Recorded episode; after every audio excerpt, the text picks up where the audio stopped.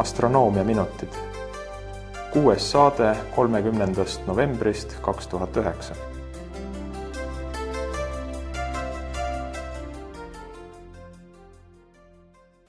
head astronoomiahuvilised, alustame astronoomiaminutite kuuenda saatega. mina olen Taavi Tuvikene. ja mina olen Tõnis Eenmäe Tõnis, sa jõudsid äsja tagasi Hiinas toimunud rahvusvaheliselt astronoomiaolümpiaadilt, kus olid äh, Eesti võistkonna üheks juhendajaks. kuidas Eesti võistkonnal läks olümpiaadil? võistkonnal läks äh, paremini kui kunagi varem. kokku saadi neli medalit, kaks hõbe- ja kaks pronksmedalit. seejuures äh, need hõbemedalid olid nooremas vanuserühmas ja pronksmedalid mõlemad vanemas vanuserühmas. noh, ta, takkajärgi võib võib-olla kahetseda, et, et kui me oleksime rohkem õpilastega vaeva näinud, siis ega see kuld ei olnud üldse mitte püüdmatu, et eh, noorema vanuserühma hõbemedalistil jäi eh, paar punkti puudu kuldmedalist. aga noh, eks see on jälle stiimul, et järgmine kord paremini teha. igatahes järgmisel korral me saame juba seitsmeliikmelise võistkonnaga minna seal olümpiaadil pandi proovile õpilaste teadmised nii astronoomiaga seotud ülesannete lahendamisel kui ka päris praktilisel taeva tundmisel ja osaliselt ka vaatluste analüüsimisel. nii et äh, tegelikult need õpilased kõik on saanud päris hea ettevalmistuse astronoomias, niimoodi nagu ta tänapäeval päris profidel olema kipub. seda on hea kuulda, et Eesti võistkonnal päris hästi läks aga tuleme nüüd detsembrikuu taevaülevaate juurde ja alustaks võib-olla sellest, et äh, detsembrikuus on üks pööripäev, nimelt talvine pööripäev. astronoomiline talv algab kahekümne esimesel detsembril õhtusel ajal ja tähendab see seda, et äh, päike on oma aastases teekonnas jõudnud äh, kõige lõunapoolsemasse punkti ehk siis meil siin põhjapoolkeral käib päike kõige madalamalt ja kulmineerub pööripäeval ainult äh, kaheksa kraadi kõrgusel. samal ajal on lõunapoolkeral päike kõige kõrgemas asendis ja, ja neil on suvi. ühtlasi detsembris äh, päikese tõusu ja loojangu ajad nüüd väga suures plaanis ei muutu, pööripäeva ümber on päevad enam-vähem ühtmoodi lühikesed ja, ja ööd selle võrra siis hästi pikad. kõige lühem päev on siis äh, pööripäev, päike on silmapiiri kohal ainult kuus tundi ja kakskümmend kolm minutit. kui kuu faasidest rääkida, siis on äh, detsember äh, siingi mõnevõrra eriline, nimelt on detsembrikuu jooksul kaks täiskuud. detsember algabki kohe täiskuuga, teisel detsembril. viimane veerand on üheksandal detsembril. Noor kuu on kuueteistkümnendal detsembril, selle kuupäeva ümber ei ole kuud üldse taevas näha. esimene veerand on jõululaupäeval, kahekümne neljandal detsembril ja detsembri teine täiskuu on vana-aasta õhtul, kolmekümne esimesel detsembril. ja see on nüüd mõnevõrra eriline täiskuu, nimelt äh, sel ajal toimub osaline kuuvarjutus. See tähendab, et kuu siseneb ühe servaga maavarju ja umbes tunniks ajaks on siis täiskuust justkui üks väike serv ära hammustatud. täisvari ilmub kuu peale vana-aasta õhtul siis äh, umbes kümme minutit enne kella üheksat. maksimaalne faas on kell kakskümmend üks, kakskümmend kolm ja täisvari lahkub kuult mõni minut enne kella kümmet. nii et see on selline ilus lõpp käimasolevale astronoomia aastale, et vana-aasta õhtul saab vaadelda kuuvarjutust. detsembrikuus on vaadeldavad ka kaks meteoorivoolu, geminiidide ja ursiidide meteoorivoolud. esimene neist on aktiivne seitsmendast seitsmeteistkümnenda detsembrini ja Geminiidide maksimum on siis neljateistkümnendal detsembril hommikutundidel. Nagu Taavi ennist ka ütles, et noor kuu on kuueteistkümnendal detsembril, siis tähendab see seda, et Geminiide on väga hea vaadelda, kuud ei ole segamas.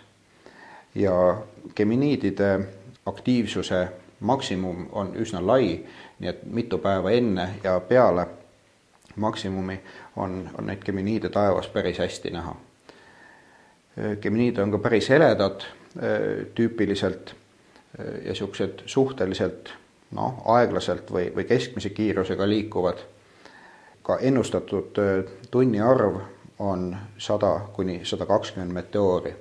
nii et noh, võib-olla hea pimeda taeva korral on umbes üks meteoor minutis siis nähtav, mis on noh, päris hea tulemus. Ursiidide meteoorivool, mis on aktiivne seitsmeteistkümnendast kahekümne kuuenda detsembrini, on selline tavaliselt niisugune niru meteoorivool, seal on suhteliselt vähe meteoore, kuid vahetevahel on ka üllatusi, nii et võib olla isegi sama tugev meteoorivool võib-olla kui geminiidid. ajaloos on selliseid aastaid olnud. Ursiide maksimum on kahekümne kolmandal detsembril, nii et siis jõulude paiku on hea võimalus vahepeal televiisori eest ära tulla ja kiigata taevasse, et kui on selge, siis äkki näeb mõnda meteoori ka ja saab paremaid kingitusi soovida. Ursiidide meteoorivoolu radiant asub väikese vankri tähtkujus ehk Ursa minoris on selle tähtkuju ladinakeelne nimetus ja sellest siis ka meteoorivoolu nimi. Tegelikult otsapidi veel selle aasta lõppu jääb ka kvadrantiidide meteoorivool, mille maksimum on kolmanda jaanuari õhtul, nii et vana-aasta õhtul põhimõtteliselt võiks ka taevas olla natukene rohkem meteoore kui ainult need juhuslikud, kuid täiskuu ilmselt ei, ei soosi nende vaatlemist kuigivõrd. nii et detsembris on põhirõhk geminiididel ikkagi. Neid tasub vaadelda, see on hästi usaldusväärne meteoorivool. kui taevas juhtub selge olema, siis geminiidides pettuma ei pea. päris kindlasti. aga kui me nüüd tuleme planeetide juurde, siis nagu terve sügise jooksul on tavaks saanud, tuleb ikkagi alustada Jupiterist. Jupiter on nähtav õhtuti, aga vaatlemise aeg jääb õhtul järjest lühemaks, Jupiter läheb järjest varem looja. kui ta detsembri alguses loojub kella poole kümne ajal, siis detsembri lõpus juba kella kaheksa ajal. nii et õhtul on ainult mõned tunnid aega, et, et Jupiteri vaadelda. ja samuti jääb väiksemaks Jupiteri ketta läbimõõt, kui ta detsembri alguses on kolmkümmend kaheksa kaaresekundit ligikaudu, siis detsembri lõpus juba kolmkümmend viis kaaresekundit. ja see on Jupiteri kohta küllalt kehv juba. kuigi võrreldes teiste planeetidega on ketas ikkagi väga suur. Jupiteriga seoses on väga huvitav kuupäev, kahekümnes detsember ja õieti ka päev pärast seda nimelt äh, kahekümnendal detsembril on Jupiteri ühendus Neptuuniga. Jupiter liigub äh, tähistaevas Neptuunist mööda umbes kolmekümne kaareminuti kauguselt. ja kahekümnenda detsembri õhtul võib siis neid kahte planeeti äh, näha üksteise lähedal. et see on hea võimalus Neptuuni taevast ülesleidmiseks, sest Neptuun on ise küllalt nõrk, umbes kaheksanda tähe suurusega ja ketta läbimõõt on kõigest kaks kaaresekundit, aga kui Jupiter juhtub olema umbes poole kaarekraadi kaugusel ehk siis ühe kuu läbimõõdu kaugusel, siis äh, on Jupiteri abil võimalik äh, Neptuuni kergesti leida. Jupiteri ja Neptuuni ühendus on juba kolmas sel aastal. selliseid äh, kolmekordseid ühendusi ei tule iga kord ette. nimelt äh, püüdis äh, Jupiter Neptuuni taevas kinni juba aasta esimesel poolel, aga hakkas siis taevas vastassuunas liikuma, lääne suunas möödus uuesti Neptuunist suvel ja nüüd liigub Jupiter uuesti ida suunas ja möödub Neptuunist kolmandat korda. ühendusele järgneval päeval ehk siis kahekümne esimesel detsembril jõuab selle planeedi duo lähedusse viie päeva vanune Kuu. Kuu on siis umbes kolme kraadi kaugusel ja selline objektide kolmik on väga hea vaatlusobjekt äh, siis binokliga vaatlemisel või, või väiksema teleskoobiga vaatlemisel. tasub kindlasti sel õhtul neid objekte vaatevälja püüda. kui nüüd jätkata õhtuste planeetidega, siis kõige niisugune prominentsem kindlasti Jupiterile järgnevalt on Marss, mis läheneb vastasseisule ja nähtav päris õhtust kuni, kuni hommikuni. Marsi ketta suurus kasvab ka jõudsalt, olles kuu lõpuks juba peaaegu kolmteist kaaresekundit. nii et nüüd selle Marsi vastasseisu puhul on, on juba päris õige aeg hakata Marssi vaatlema ja, ja proovida võib-olla Marsist isegi pilti teha. Marsi tõus äh, on äh, kuu alguses äh, umbes seal kolmveerand üheksa paiku ja kuu lõpus tõuseb punane planeet umbes kolmveerand seitsme ajal ja hoolimata sellest, et kulminatsioon, mis on umbes viiekümne kraadi kõrgusel, jääb terve detsembrikuu jooksul sinna hommikutundidele, siis, siis kuskil südaöö paiku on Marss juba terve detsembri jooksul väga hästi vaadeldav. Marss teeb ka oma orbiidi silmuse, kui novembrikuus liikus Marss läbi sõime täheparve lõvi suunas siis kahekümnendal eh, detsembril jääb Marss taevas hetkeks paigale ja hakkab liikuma tagasi eh, vähitähtkuju suunas ning eh, jõuab siis kahekümne üheksandal jaanuaril vastasseisu. Saturn on nähtav hommikuti kõige paremini, kuid kuu lõpus tõuseb Saturn juba enne südaööd nii et seega võib teda tinglikuks, tinglikult ka õhtuseks äh, planeediks nimetada.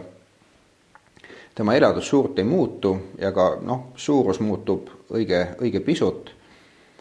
ja Saturni jah, võib seal vaatlema hakata kuskil võib-olla kella kahe-kolme ajal äh, öösel, et siis on ta juba piisavalt kõrgel ja noh, tegelikult kulmineerub ta ikkagi hommikutundidel nii et kellel on väga kange tahtmine seda vaadata, siis tuleb hommikul lihtsalt varakult üles tõuse, tõusta ja Saturn on siis umbes seal kolmekümne kraadi kõrgusel horisondi kohal.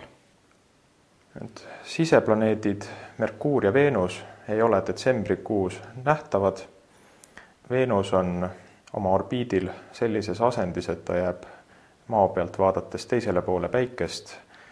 ülemine ühendus tuleb küll uuel aastal, üheteistkümnendal jaanuaril Merkuuril on küll äh, detsembris äh, suurim idapoolne eemaldumine, täpsemalt kaheksateistkümnendal detsembril, aga Eestis ei ole Merkuur seetõttu nähtav, et väikese loojangu ajal on Merkuur kõigest mõne kaarekraadi kõrgusel ja läheb siis ka peagi looja. detsembris ilmub taevasse ka tehistäht ehk rahvusvaheline kosmosejaam ISS. seda saab näha orienteeruvalt äh, kümnendast kahekümnenda detsembrini, aga seekord on ISS nähtav ainult hommikuti kuskil kella poole seitsme ja kaheksa vahel. ja täpsetest äh, ülelennu aegadest anname siis jooksvalt teada astronoomia.ee lühisõnumite rubriigis lühidalt ka kahest äh, muutlikust tähest. esimene neist on juba tavapäraselt äh, käsitletud algol, mille varjutused toimuvad natukene vähem kui kolme päeva tagant ja heledus langeb seejuures üsna tuntavalt. detsembris on öisel ajal nähtavad kaheksa miinimumi, kuid nii väga hästi vaadeldavad on nendest kolm. Esimene on üheksandal detsembril ja see varjutuse keskmoment on kella kolmveerand üheteistkümne ajal. järgmine on kaheteistkümnendal detsembril, laupäevasel päeval ja varjutuse keskmoment on kell üheksateist kolmkümmend viis viimane selline hea varjutus äh, on näha kolmekümnendal detsembril äh, pool tundi pärast südaööd. Äh, ja kui nüüd hakata arvutama, millal see varjutus algab ja lõpeb, siis nendele kellaaegadele tuleks seal liita umbes viis tundi ja, ja siis ka samas lahutada viis tundi, et saada varjutuse algust. Ja teine muutlik täht on Epsilon Auriga, nimelt nüüd detsembrikuus on Epsilon Auriga selle täisvarjutuse algus. ja täpsemalt äh, nende algoli ja ka võib-olla Epsilon Auriga varjutuse kohta äh, saab infot äh, astronoomia EE lühisõnumitest. nii, sellega oleme teinud ülevaate detsembrikuu taevast järgmises saates räägime aga juba eksoplaneetidest. jääb üle vaid soovida head astronoomia aasta lõppu, vaadeldes meteoore ja kuuvarjutust. Kuulmiseni! selgeid öid ja kuulmiseni!